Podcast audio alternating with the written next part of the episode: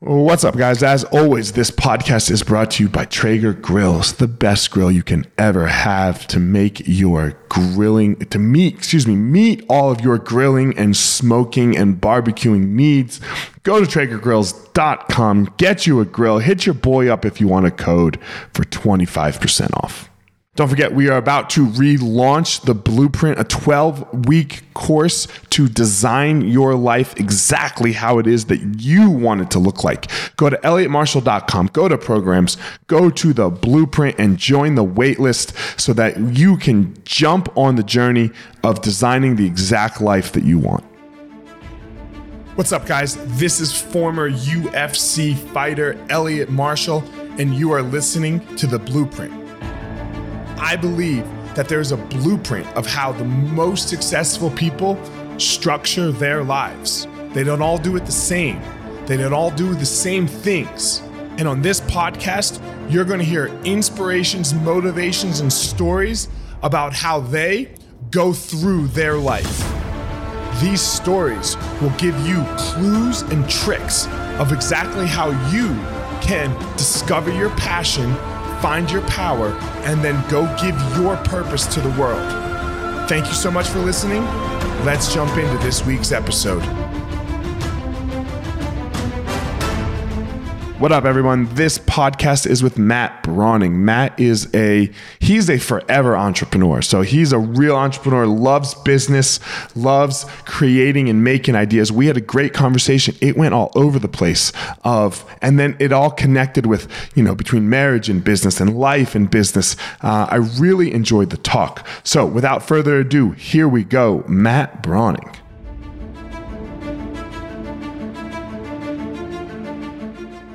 What's going on, Matt? How are you? Elliot, I am so good. I can't wait to sit down and have a cup of virtual coffee. That sounds so lame, but I'm so excited to sit down and have a cup of coffee with you, brother. Look, we you, you brought up the coffee thing. I love coffee. I'm a total coffee snob, man. So, um, are, are you a coffee snob or you just drink coffee? You know, I'd like to be a coffee snob, but the truth is, I just drink black Keurig coffee at my house. It is mushroom coffee, so some friends okay. look at me a little weird, but mm-hmm, mm-hmm. Uh, I'm more into that kind of hacking side than I am on the snobbery side. I don't have any okay. glass, wood stirring. I don't have a mustache. You know, I don't have all that stuff. so I'm not like that. I just won't drink shitty coffee. Like I can't stand shitty coffee. Like uh, I'll uh, I'll do anything. I'll do everything I can to not go to Starbucks. Amen. Amen. I'm with you. I'm with you. Right. Sounds good, uh, man. So look, you have your books back there. You know, you you have your podcast, The Driven Entrepreneur. So you've been in this entrepreneurial life here for a minute. Uh, have you always been an entrepreneur? Did you ever have a real job? Did you? Uh, and I won't call entrepreneurship. I mean, like I have a real job, kind of, but you know, so you it's know, not a real job. I'm, it's not a real I, job. Yeah, I don't take offense to that. So I, I've been an entrepreneur since I was 22, but I, you know, I thought about that a lot. My wife just pulled this up a few days ago. She was teaching a class, and we were talking about purpose and identity. And okay. she said, you know, when I was a kid, my wife says this, I wanted to scoop ice cream because it made everyone happy. And I told her a story of when I wrote a note when I was five years old that I wanted to run away from home and I wanted to be an ice cream man. So she, in the class, she says, I wanted to scoop ice cream to help the people, but my husband wanted to own the ice cream truck. And I never thought about it like that, but really, wow, ever since I was a perfect. kid, I yeah, I hustled skateboard yeah. wheels when I was eight. Um, always loved doing that, and it really stems from when I'm five years old and my first day kindergarten. I'll never forget standing behind this big oak tree, looking out at the kids playing, and instantly I know, Elliot, I don't fit in. Um, I don't know how to talk to them. I, I'm I was the loner kid, and that feeling stayed with me all through high school. And it wasn't until I was 22 that I started my first business that the feeling began to change because I started being the one that threw the party, so to speak. Got it. Look, you so you're full entrepreneur. I I don't feel like I'm full entrepreneur. Like I don't hustle. Uh, you know, like when you watch Gary Vee and stuff, right? Oh like he, man, you know, he's like, "Yo, get on eBay and sell this," and uh, you know, like, like that. That has no uh, appeal to me. I only like to deal in businesses, uh, not invest. I'll invest in things, right? But I only like to deal in businesses, like do work in businesses that I enjoy. Like the the quote unquote idea of business doesn't i'm not like oh yeah i'm going to go open that kind of store and i'm going to open that kind of store right and i'm going to sell this that doesn't do it for me like i, I can't do that so you're full it sounds like you're a full entrepreneur though Yeah, you know, it's I'm 42 today as we're talking right now. So Oh, happy the last 20 years, thank you, man. Oh no, not today. Today, soon though. So, oh, okay, got it.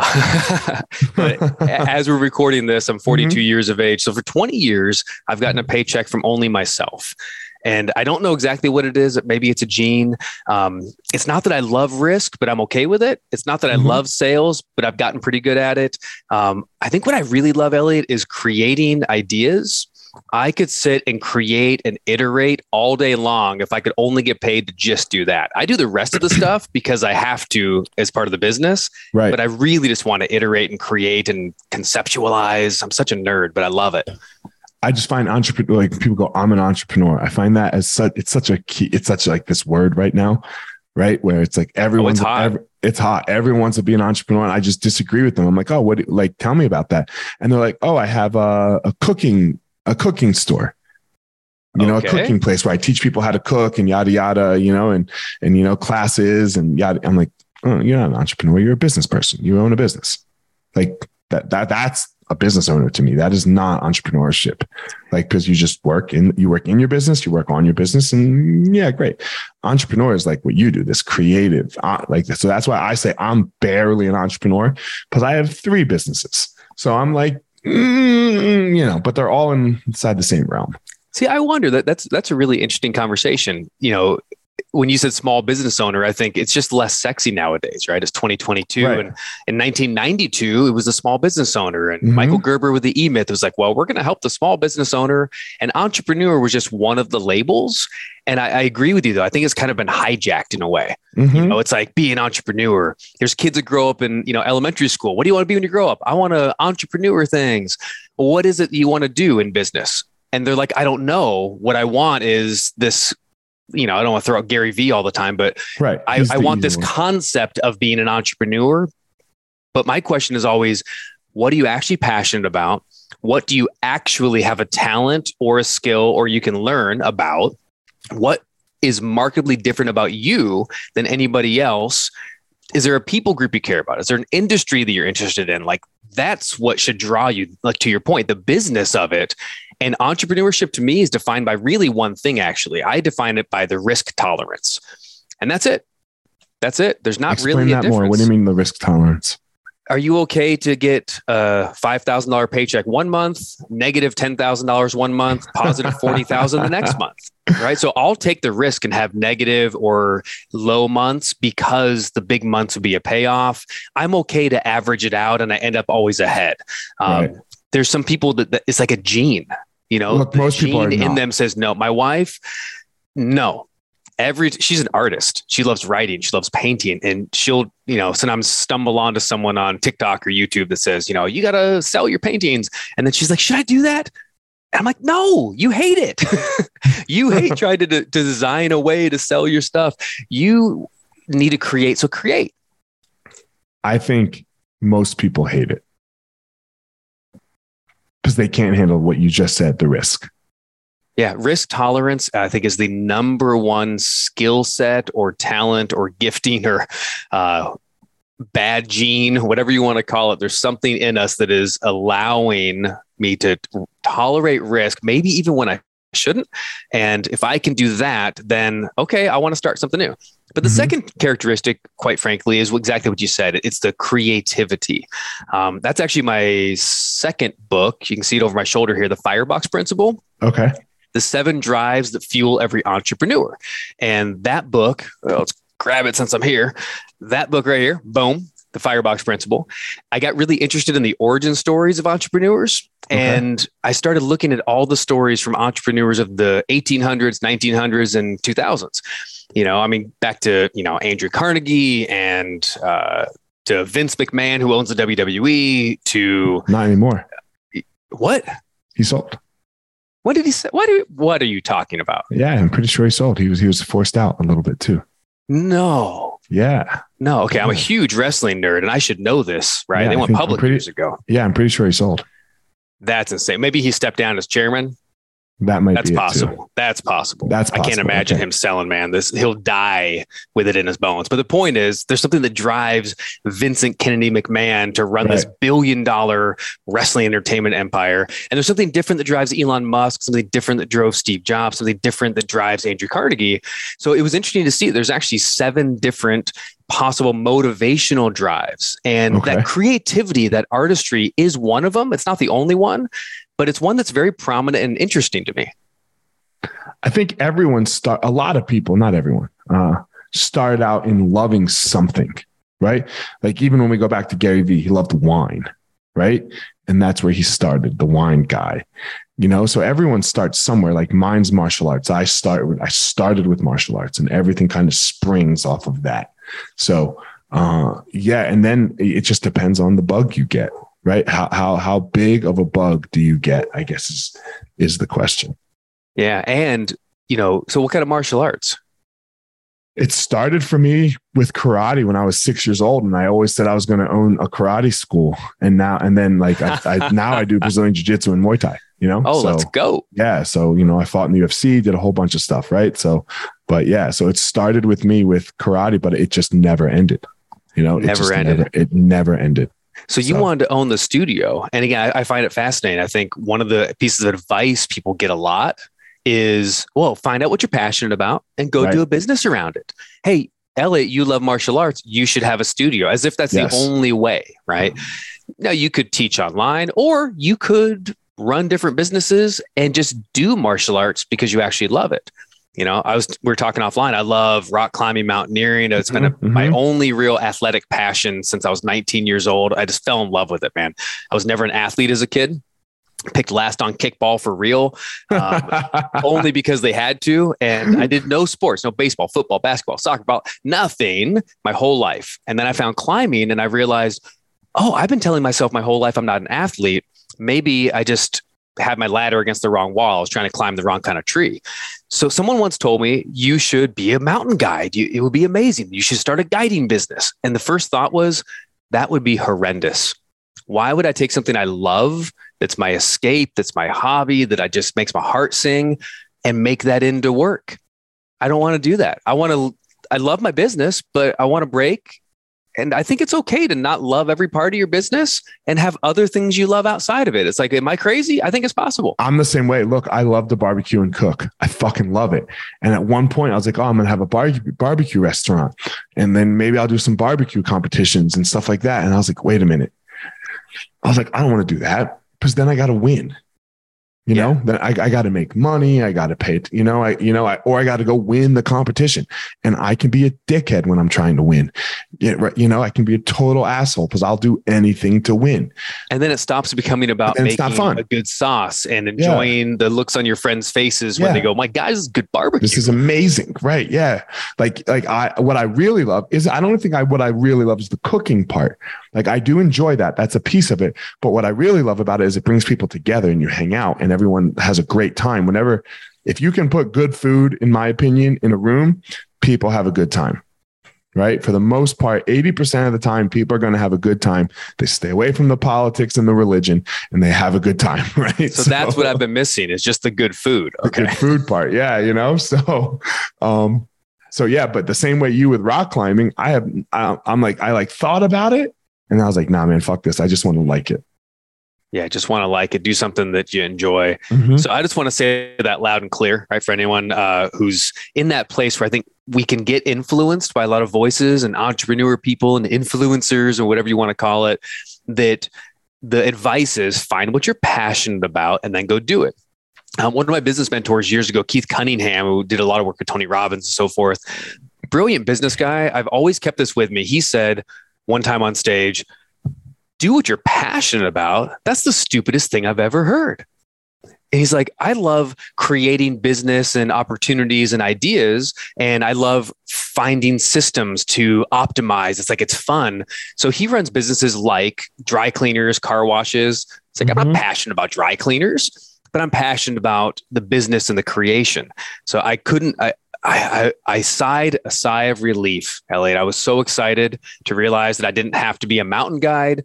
I didn't have to start a pro wrestling podcast because I love talking about that. I didn't need to do yo-yoing professionally because I'm not that good. Um, I just get to do the business I love.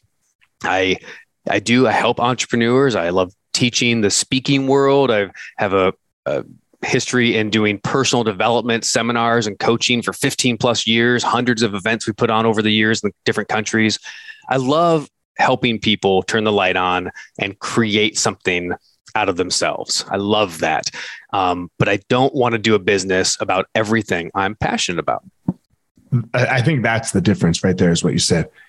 I do think you have to be you have to have some passion behind what you're doing. I think it's very hard to keep going if there's no passion but you don't have to do a business on everything you're passionate about and that's oh. the that i think that's the miss the the the the thing that we're that we're messing up with this word passion right uh, i have a lot of passions you know but i do have one in particular and my business is surrounded all of my businesses are surrounded around that yeah i love a lot of what i do in yes. work i don't yes. love everything that i do in work Right. I don't love always having an email deadline or managing different particular people. You know, I, I, love the people. I love giving opportunities and jobs, but I don't love showing up on a Tuesday meeting to, you know, there's certain things I don't love, and that's okay. That's my whole point. Mm-hmm. It mm-hmm. is yes. okay. yes. Yeah. Yeah. We're, we're speaking the same language. Where did this start for you at 22? So you said you started 20 years ago when you were 22 years old. What did that look like? So when I was 18, I met a couple of brothers in the real estate business and got taken under their wing and didn't know much about anything, but I started working for them. And by 21, I was basically managing one of the brothers, the whole business. And I was, I went from, uh, $14,000 a year up to 250,000 a year within 3 years. And what does a 21 year old kid do with a quarter million dollar a year income? I invested it, of course, in pool tables and big screen TVs of the time and whatever hold else. On, right? Hold on. Single pool tables and single big screen TVs for you, I'm assuming here, right? Yes. Yeah. Okay. Single pool tables, multiple big screen. But, you know, like I, yeah, you know, yeah, I, yeah. I, did, I bought some property and I did some different things. And I found myself at, at 22, I made the biggest mistake of my life, man. I went to a seminar with who we mentioned before, a guy named Tony Robbins. Okay. Right? I, I, love okay. Tony. He's incredible. But we all went to like be better at sales, but I listened between the lines and it's like, man, he talked about making a mark in the world, making a difference, digging in and actually impacting people. And it just, it struck a chord. And I've always felt like that. So I came home different and within a few months, I basically, yeah, I quit slash got fired, whatever you want to call it. But we we had a conversation. Hold on, did you get fired? did you get fired? Well, I I okay, so I come out of my my beach condo at the time in Orange County, California. My boss okay. is on my steps, and we have a conversation walking around the beach for about an hour. And he says, I don't think your heart's in this anymore. And this is after four and a half, almost five years. It's the only real job I've ever had other than working at Sizzler Steakhouse and Salad Bar when I was 17. Okay. And I agreed with him. I said, You're right, man. I'm, I need to do something different. And the first business I started was a mortgage company. And then as that was out of my the bedroom, my little two bedroom condo down at the beach, I turned one bedroom into I got a desk from Staples and I got a printer and I sent out Christmas cards. And before you know it, I'm making a business. Man, what a skillful job. Because like whenever we have to fire people, right? And it sucks to fire people. It's really great if you can do it in this way, especially you were a higher level employee in his business here, right? If you can do it in a way where it's this like kind of like almost planted idea that you should move on rather than like uh, you suck, get the fuck out yeah, there's, I mean, I just unfortunately had to do this with someone who I love dearly and is incredibly valuable in the business. And, but here's a, a quick little tip for that is when you know things are changing, and I knew a season was changing, that position was changing, the whole atmosphere, right? Everything was mm-hmm, shifting. Mm-hmm, mm-hmm. Um, when you know that's coming, don't make it a shock, right? I think sometimes we're worried about like the culture and worried that now someone's going to be poisoned and they're going to this and that. You know, don't give him two weeks. We've been having this conversation for close to a year. So when we finally sat down and said, listen, the time is here, and I think it is now time for this, he's had time to prepare. He's had time to start looking for what does he want to do next in the season. And because we're friends and we have a positive culture, and I can't help but be an encourager, right, by nature, um, I'm still I'm walking with him, right? Saying, yeah. hey, this is no longer going to be the best fit based on where you are and what we need. So, what's next for you? It's a lot like a relationship. You know, how would I do it if if uh, something wasn't working out in a dating relationship? Hopefully, you don't just send an email one day, right? Never Right. show up. Right. You start having conversations and you have honesty and transparency. Hey, I'm feeling this way, and how are you feeling? And why don't we explore this a little bit? Let's talk about it.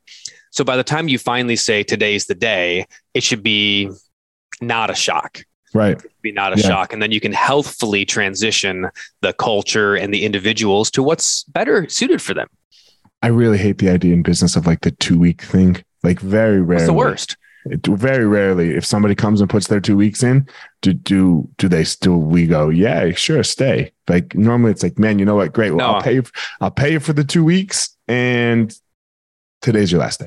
That's Yeah. you know uh, I, the exact same thing. So if it's healthy and it's time to transition, prepare the way, Right. make a way, walk with them, and you'll find that it's like, hey, if this isn't suited for you because you're not doing this job well, it's probably because maybe your skills, talents, gifting aren't aligned. Maybe you're on the wrong seat on the bus. So let's either change the position or let's look at changing you up out of our atmosphere and into a different atmosphere. Mhm. Either way, it's a supportive conversation. right. If someone comes in and goes, I don't, yeah, I'm putting in my two weeks. I agree with you 100%. No problem. I'll have a check for you this afternoon. right. grab your for that on the two, way out. For that two weeks, and That's right. goodbye. Yes, I'll pay you the two weeks. I'll pay you a month rather than give you rather than let you sit here and like possibly destroy culture and work poorly and all of that. Right. Yeah. the only time that happens is in those circumstances when someone's, so it's like, are they happy or are they not happy? right. If they're happy and things aren't working or things are changing, let's navigate that. Right. If they're not happy, um, leave as quickly as possible. Right.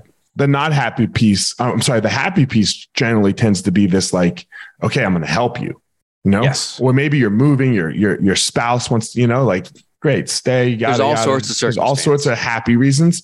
But yeah, for sure, definitely about I don't want to do this anymore and I'm out kind of unhappy way is it's got to go. So um I'm looking at this other book behind you, Driven to Courage. Whoa, you can see that all the way from there. Man, I had LASIK surgery. You want a good LASIK surgery story? Yeah, I do. All Driven right. to So courage. uh Tell I me was, about it. I was getting on the Ultimate Fighter, okay, as the reality TV show for the Ultimate for the UFC, and they make you do this eye. You have to do an eye test. You have to pass an eye test, right? So I go in the I go in the doctor's, the ophthalmologist, whatever it is, optometrist. I can't remember. I always get them wrong. And he goes, "Take your contacts out." And I was to, to like read the board, the W R, you know, the the, the letter board, and I'm like, "Yeah, you're crazy." And he's like, "What do you mean?" I was like, "Dude, I can't see anything without my contacts." Right? I was like, who can? He's like, well, in Vegas, you have to pass this test without your contacts because they don't let you fight with contact lenses in. I was like, man, that's stupid. Give me a break. He's like, no, I have to have you take them out. I was like, man, this is like the biggest opportunity of my life. I'm I'm not losing this because uh because I can't see a fucking board. Like, trust me, I'll be fine to fight. You know, like, and he's like, you got to take him out. So he makes me take him out. And then he walks back in the room and he goes, okay, let's do this board. You know, it's whoa, whoa, whoa, whoa, water, you know? And he's like, and I was like, oh, W. He's like, yeah, do you, do you have a friend named Paul? And I was like, yes, I do, P, you know? So he just like read me the board, So and he was like, fakes your way into it. faked my way into it. And then I went home, I, I do the show, go home, get in the UFC, do the show, get in the UFC, go home, get surgery. I'm like, let's go. So wow. yeah, he was real. Yeah. So I have pretty good vision, you know, because I had to get that done. But anyway, back to your book. That is funny. Okay, hang Yeah. on. Can we do a sidebar? Do you want Yeah, you want a go. second LASIK story that's Let's never go. been told So before? mine was technically PRK, but it's better for the sports. But anyway, go ahead, Lacey. Oh, good call. Yeah. All right. So I got LASIK at I don't know 25 or something, somewhere Mhm. around there. Everything's fine. No, no need. I just it was great. Somewhere around 30 or so, I'm speaking in Australia at this you know 400 people like live event and i'm one of the speakers and they're doing these board breaks and you've probably you know seen where like the motivational board break right where you know someone holds the board in front of you and then the the person with no training believes in themselves and breaks through the board Yeah. and it's easy enough to do if you have a, a basic uh, physiology and then also basic belief and it's it's quite powerful actually especially for you have an eight year old an 80 year old it's it's Sure. awesome Sure. so they had hundreds of people. So I was like, I'll be one of the board holders. I'll anchor the experience to me, and then I'm going to go speak. It was like it's a lot of fun. I've done that quite a bit, and I've done it with my own seminars. So we're in this big room, in uh where's that? Gold coast australia. And i'm holding boards and we probably broke 40 50 boards and everyone's just on fire and so excited. And then somebody comes in about 20 feet away from me 25 feet. They're holding the board at an angle. The person breaks it. Half of the board flies out of his hand comes all the way across the room. I couldn't make this up i swear. Hits me in the eye with the corner of the half board Ah. and i can't see Oh, anything. this had to hurt. oh bud.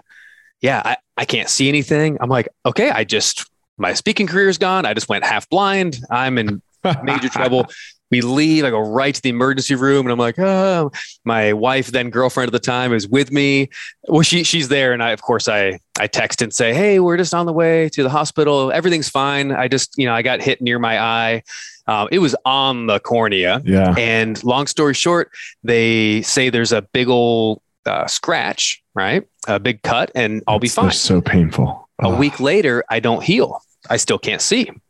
It's, I mean, it's not black, but it's unbelievably Right. blurry. I get home to go on the plane. I land at LAX, lived in California at the time, and I go, I should call my, you named it, ophthalmologist. He was really, really good, and he did my LASIK. He's also an eye surgeon, so I call him and say, I, you know, he said, come in. They put me under the microscope. You know what happened? He said the flap of your LASIK opened up with That's the board. yep. It's not a cut, it's the Mhm. flap moved. And now you have this is gross, but you have eye cells from the inside of your eyeball growing on the outside. And he said, if we don't scrape them off and do something immediately, you're going to get cataracts. You're going to go blind. Um, so I, of course, scheduled that uh, the next morning, right. and the rest So that's exactly why I got PRK. 2015, Yeah.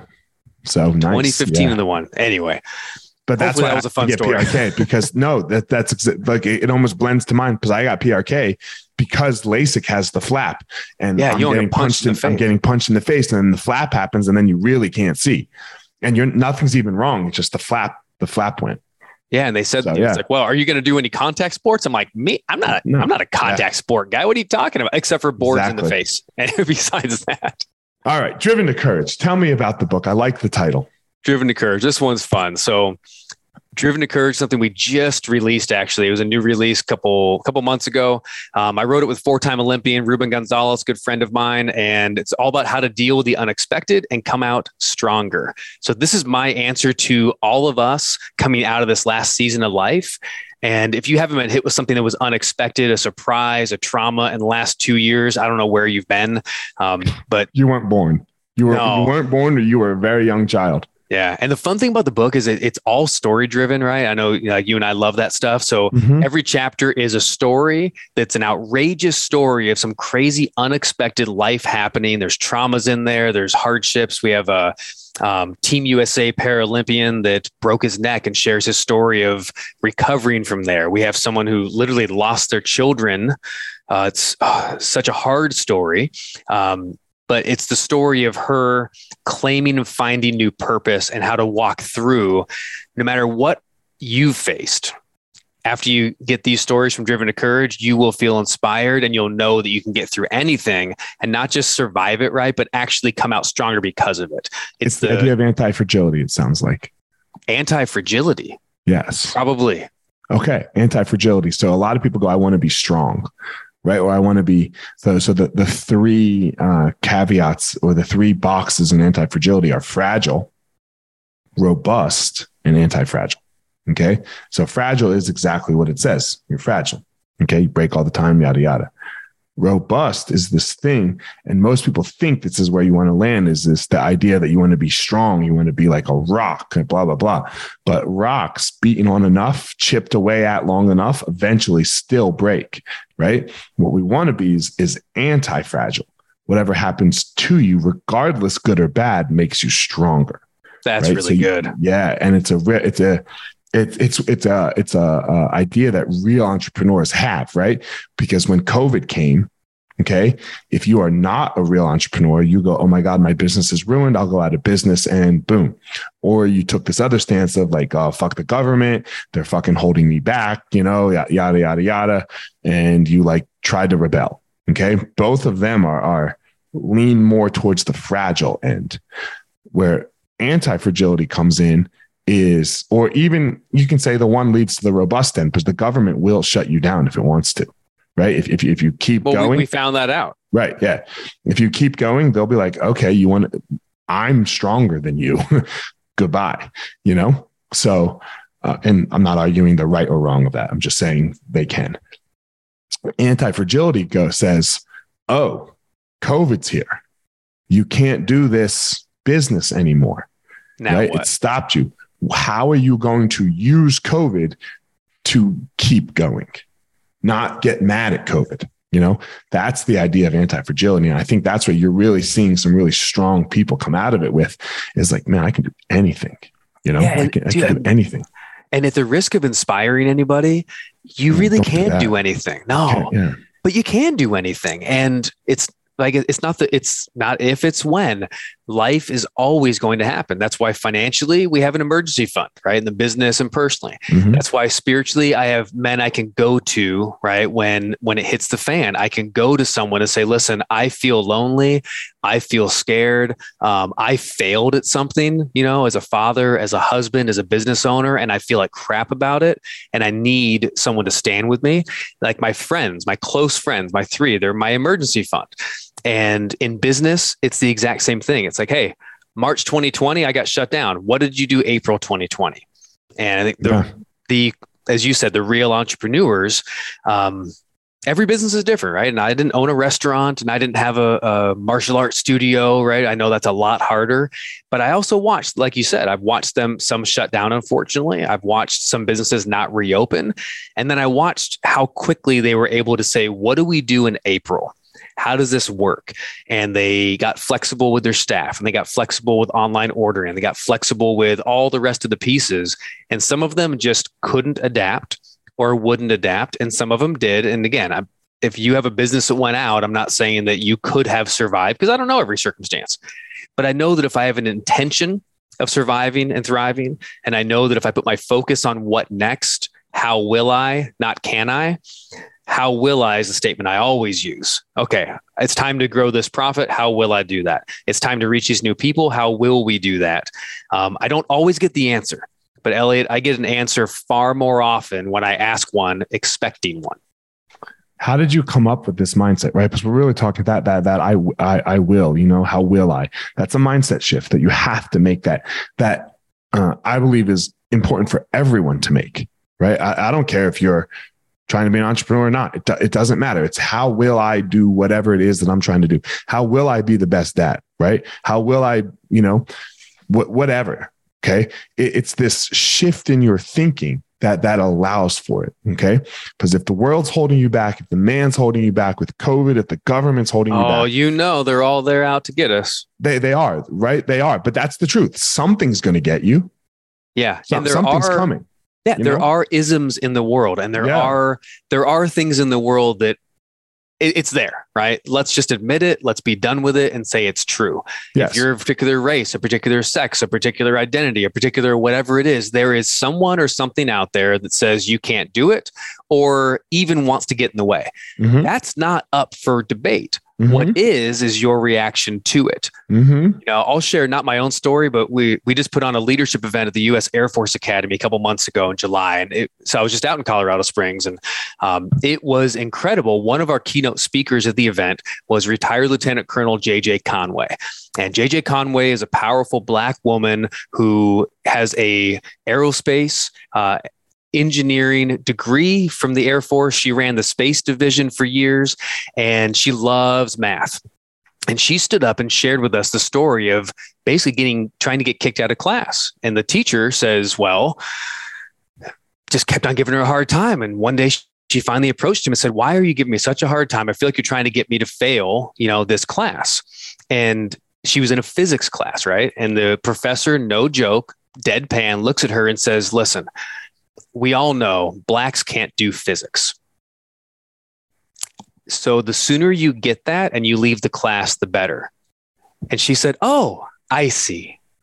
And I just, I, I mean, I'm, I'm tearing up as, as I think about this because she's such an incredible soul. And she had the chance in that moment to become bitter, to be limited, to believe a lie, right? All those things. She told us instead, she stood up and said, Okay, I understand. I'm going to go ahead and finish anyway. And she went on to graduate in the top three of all the physics for the entire Air Force. She went on to chair the physics department and she went and successfully did physics for 20 years and retired as a lieutenant colonel. JJ is an inspiration that she had a very strong ism and a lie in her life, but she talked about how to react to it. And that's what, again, I've been doing this for years, putting on events where we bring people like uh, Lieutenant Colonel Conway and say, hey, when life happens, how do you react to it? What's your choice?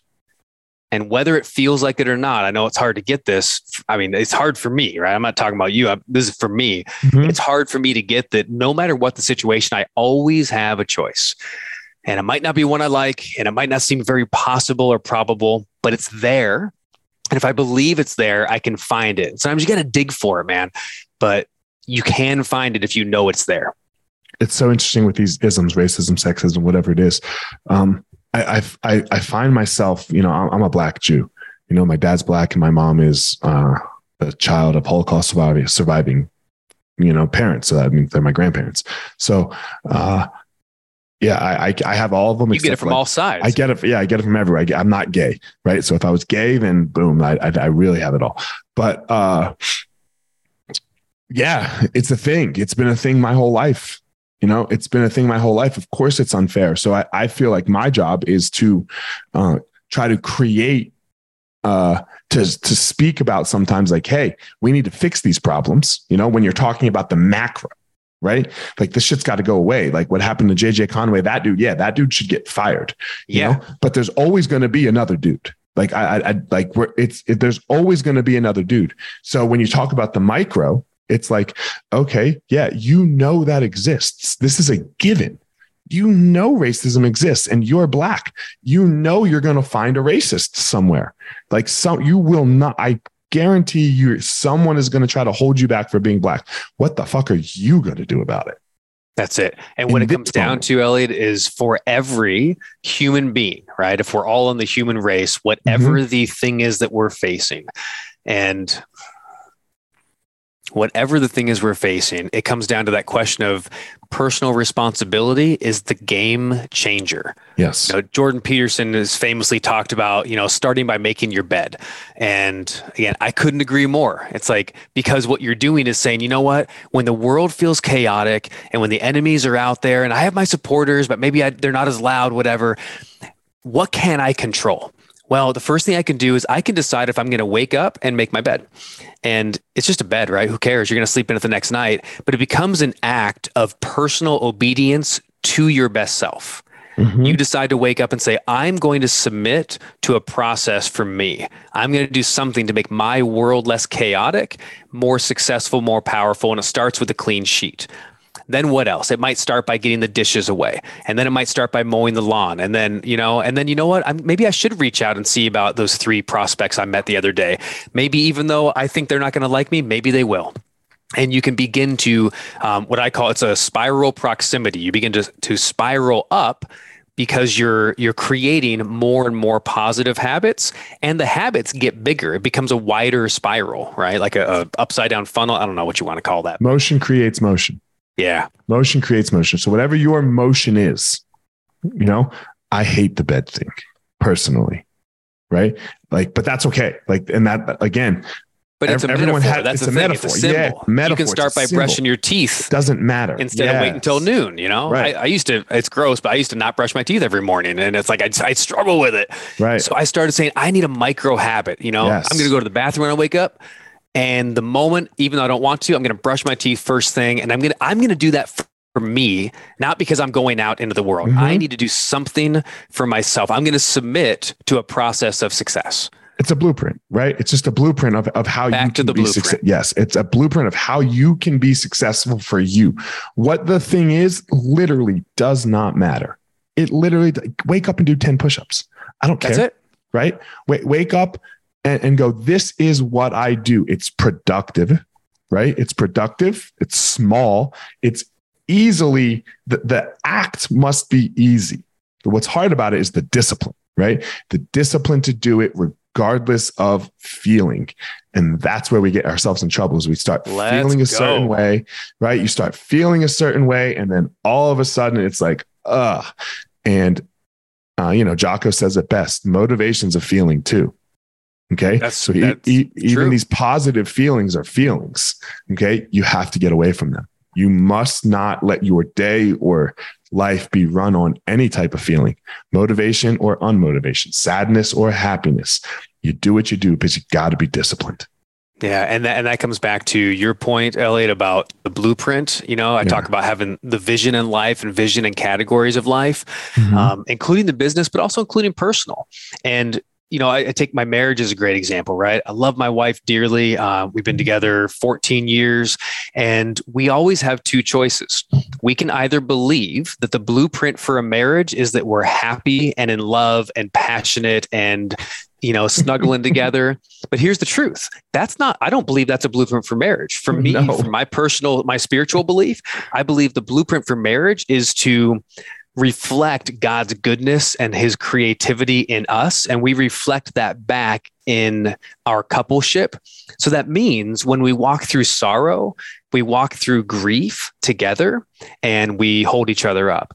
And we have times when we're joyful and in love and we lean into those. But if you believe that the blueprint of marriage is to be happy, what will happen is a number of years go by and the feeling, like that point, you're going to not feel happy. And then you're going to make this stupid lie like, oh, we must be falling out of love, uh, you know, and then someone else makes you happy at work. And then before you know it, you know, you're making terrible choices. And look, Mhm. the purpose of marriage isn't how you feel. The purpose of marriage might be what if it's bigger than that? And the purpose of business, I don't think it's if you love what you do, you'll never work a day in your life. that was a great. Lies. Right. Lies. If you love what you do, you will work and you'll enjoy it most of the time. It's not as Yeah. sexy. It's not doesn't go on a bumper sticker, but it's true.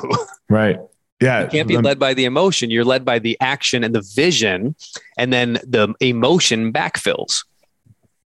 I like, you know, getting back to the marriage thing. I, I always like to say, I love my wife for the bad times we've had together, Come on, let's you go. know, because I've had too many good times with so many people. Like, that's not unique, you know? And I'm not talking sex, right? I'm not talking just like great sex with your, with, with people, right? I've had great times with people, great times, amazingly great times. That is not a unique experience. The unique experience is being really, really, really fucking mad at somebody, right? Or them being mad at you. And for not not for an hour, not for a day, you know, raising kids is fucking hard, man. Right? It's hard. You you wake up, you're tired, no one's sleeping. God forbid you have a difficult baby. That is difficult. You know, you fight at 3 a.m. sometimes, you know, all this stuff that happens. That's and and, and she's still here with me, and I'm Yeah. still here with her. That's no, and, and I don't think either one of us is saying like if you're in a bad marriage, stay there. Like I, I would never give that advice to somebody. But that's why I love my wife. Yeah. And I think uh, bad is a vague term too. So if you're in an abuse, sometimes you're in an environment that the environment has to change Mhm. because it's whatever we would call abusive. It's not something that's going to stop. Now, I have seen times, right, when you say, hey, this environment's not working for me. But there's open, honest, and confrontative. Is that a word? I don't know. Confrontational communication. yeah. You it. say, hey, uh, this has to change, and it changes today. And I've seen people who have, it's like overcoming addictions or overcoming whatever it is, right? Um, yeah, that's what it is. But you're deciding that, hey, from this day forward, the, the solution is always, it's never about the action or about the feeling. It's always about the vision. Right. We have a vision of a marriage where we're authentic, where we're real, where we're supportive, where we're reflecting God's goodness on each other, on our kid, out in the world. And that's what we do. And that means that when, you know, a year and a half ago, my wife and I, we walk, haven't talked about this a lot, but we walked through a miscarriage. And it was, I'd never done that before, right? We have one kid, he came out easy. It was no big deal 10 years ago. And now we walk through something new where we got excited together. And then we went through loss together. And if I judged my marriage based on happy feelings, I didn't feel happy all the time. We cried on the couch a lot together in the last year, year and a half. And I judge that as part of a healthy and close marriage. And now, and we do feel closer, I believe, right, than we have in a long time because we're sharing the the world of emotions and experiences, not just I'm on a high because we're in college and we're dating, you know? Right, right. You know, and we can have sex five times a day because who cares? And right, all the easy stuff, all the great, all the easy honey, stuff, all the honeymoon parts. Anyone of, can of do that. Yeah, that's easy, right? That that's easy. You know that this is this is that's the lowest hanging fruit there is for relationship and life. And it's can you do it when it's difficult? Can you do it when you don't want to? Can you do yeah. it when when you're getting pushback? You know and, and the rewards are worth it right? The rewards are worth it.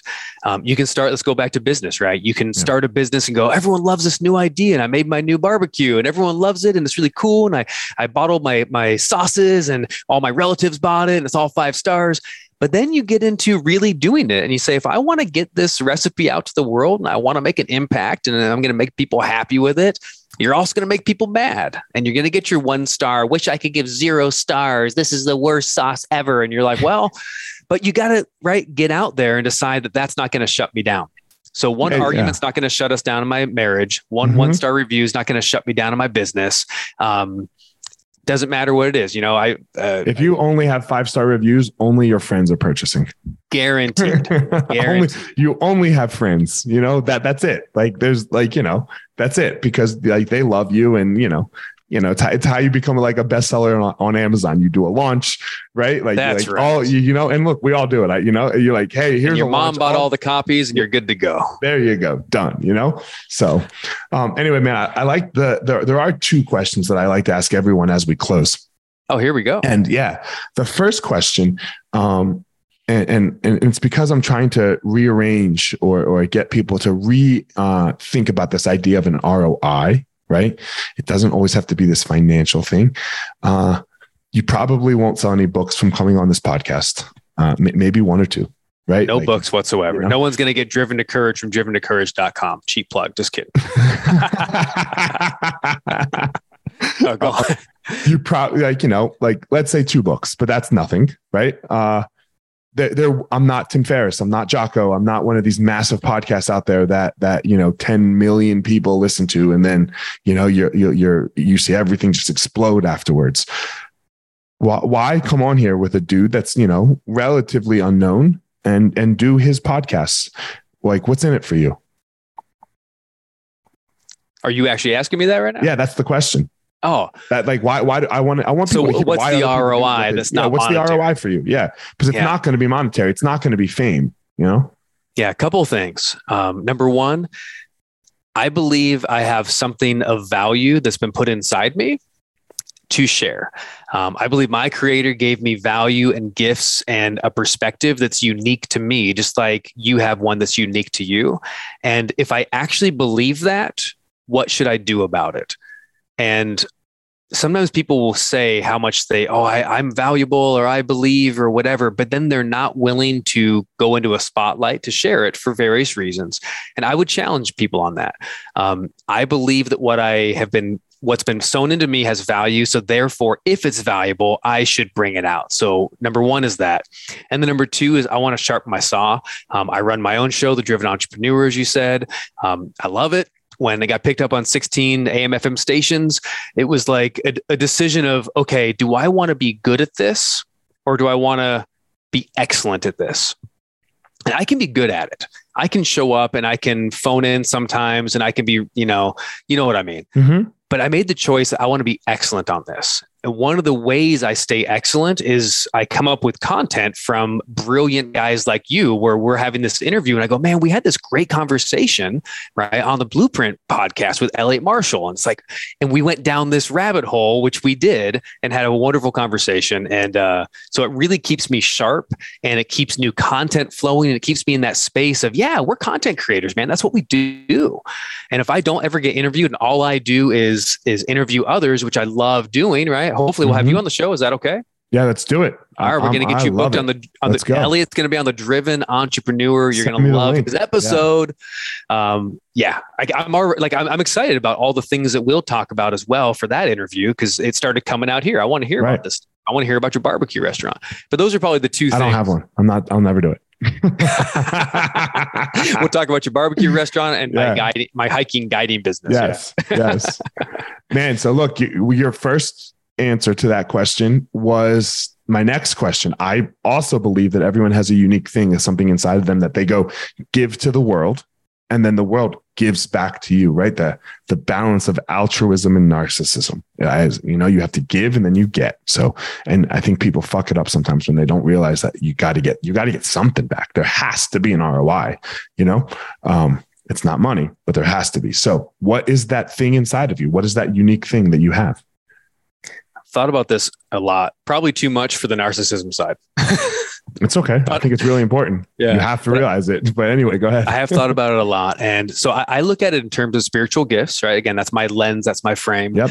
Um, and I think, again, all of us have spiritual gifts that are put inside us. Uh, and we can all do a lot of things, but there's mm-hmm. some that we do markedly better than others. Um, my friend A.G. Morishita always used to say, What's the thing that that comes easy for you and difficult for others? That's the thing you should charge the most for. So I think what's the thing for me? And it comes down to pattern recognition and teaching. So for instance, every time I read a book, my even if it's not patterned correctly or structured well, my brain puts it into a structure. Uh, I read the Bible and it's like I'll read three paragraphs, and all of a sudden, it's like I have a keynote talk. It's like there's three principles mm-hmm. that stuck out to me. Uh, so something I've been doing for a lot of speaker clients and entrepreneur clients is I love titling talks, titling books, titling podcasts and shows, coming up with structure for them in the business, coming up with flow. Um, if you had a paint company, how do we flow the paint from creation to delivery? And it's just finding those patterns is easy teaching and encouraging while I teach is even easier. But those are my two sweet spots. And how it plays out in real life too is I decided in my business a long time ago that I don't want to necessarily be this big spotlight person. Um, I do media, right? I do television and, and podcast and radio and speak, but that's really a means to an end, if that makes sense. What I really love is this conversation right here. I love when we can learn, we can teach, we can go deep on a coaching with someone. So my business is heavy on side by side consulting with small business and heavy on executive entrepreneur coaching and personal life coaching. It's heavier on that stuff, teaching stuff. It's lighter on the, I guess, the, you know, it's mostly steak, not sizzle. Right. Got it. Cool. Uh, I, I, believe it's very important for us as we walk through our lives, what, whatever it is that you do, doesn't matter. You have to know what you, your gift is, you know, and we have, we all have one. And so, so discover it, find it and do it. So that, you know, blue, you know, blueprint, right? So I'm in. Uh, yeah. Um, all right, Matt, thanks so much for coming on. Tell everyone where they can find your stuff. If they, if one of the two people who do want to go buy the driven courage tell them, tell them where they can get that you know? Uh, excellent. So to mrs plug Marshall, yourself away. Yes, yeah to, plug so yourself El- away. Elliot's mom and also to linda Brauning to my mom. If you want to get my book that's who's going to get it. If you want to get my uh, oh. driven to courage you can find it at driventocourage.com pretty easy. That's mm-hmm. i wrote that with four-time olympian ruben gonzalez. The stories will inspire you. Um, if you want to look at the firebox principle we talked about earlier with the seven drives that fuel every entrepreneur there's a free quiz too. You can figure out which firebox uh, drive is yours. It's at fireboxbook.com. And you can follow me on social, man. On all social, I'm at Matt Brauning, B R A U N I N G on everything. Isn't Matt Browning a baseball player too? I think so. I hope not. I'm bigger right. than he is because I own all the Matt Brownings on Instagram, Facebook. I think he's YouTube, W Twitter. though. Yeah, that's W. Yeah, that's different. Different guy. Yeah. yeah. everyone spells Elliot with two L's and two T's. I'm like, yeah, your mom got it wrong. I don't know what to say. Word. So, um, all right, man. Thanks for coming on. I appreciate it everybody, as always, Matt has his unique gift that he has, and I have my unique gift that I have. Don't go out in the world and try to be Matt, and don't go out in the world and try to be me. Please go out there and find your own power, everyone. Thank you so much for listening to this week's episode. I hope you found something useful that you can take and implement into your life. Don't forget to head over to wherever you are listening to this podcast and leave a review. That would be greatly appreciated. Also, go follow me on social media at FireMarshal205 on Instagram. Leave a comment, anything that you would like there. And as always, if you think this would be useful for somebody else that you know for their life, send it their way. That would be greatly appreciated. That's it for this episode, guys. I hope you all have a great day and you go step into that power so that you can give your purpose to the world.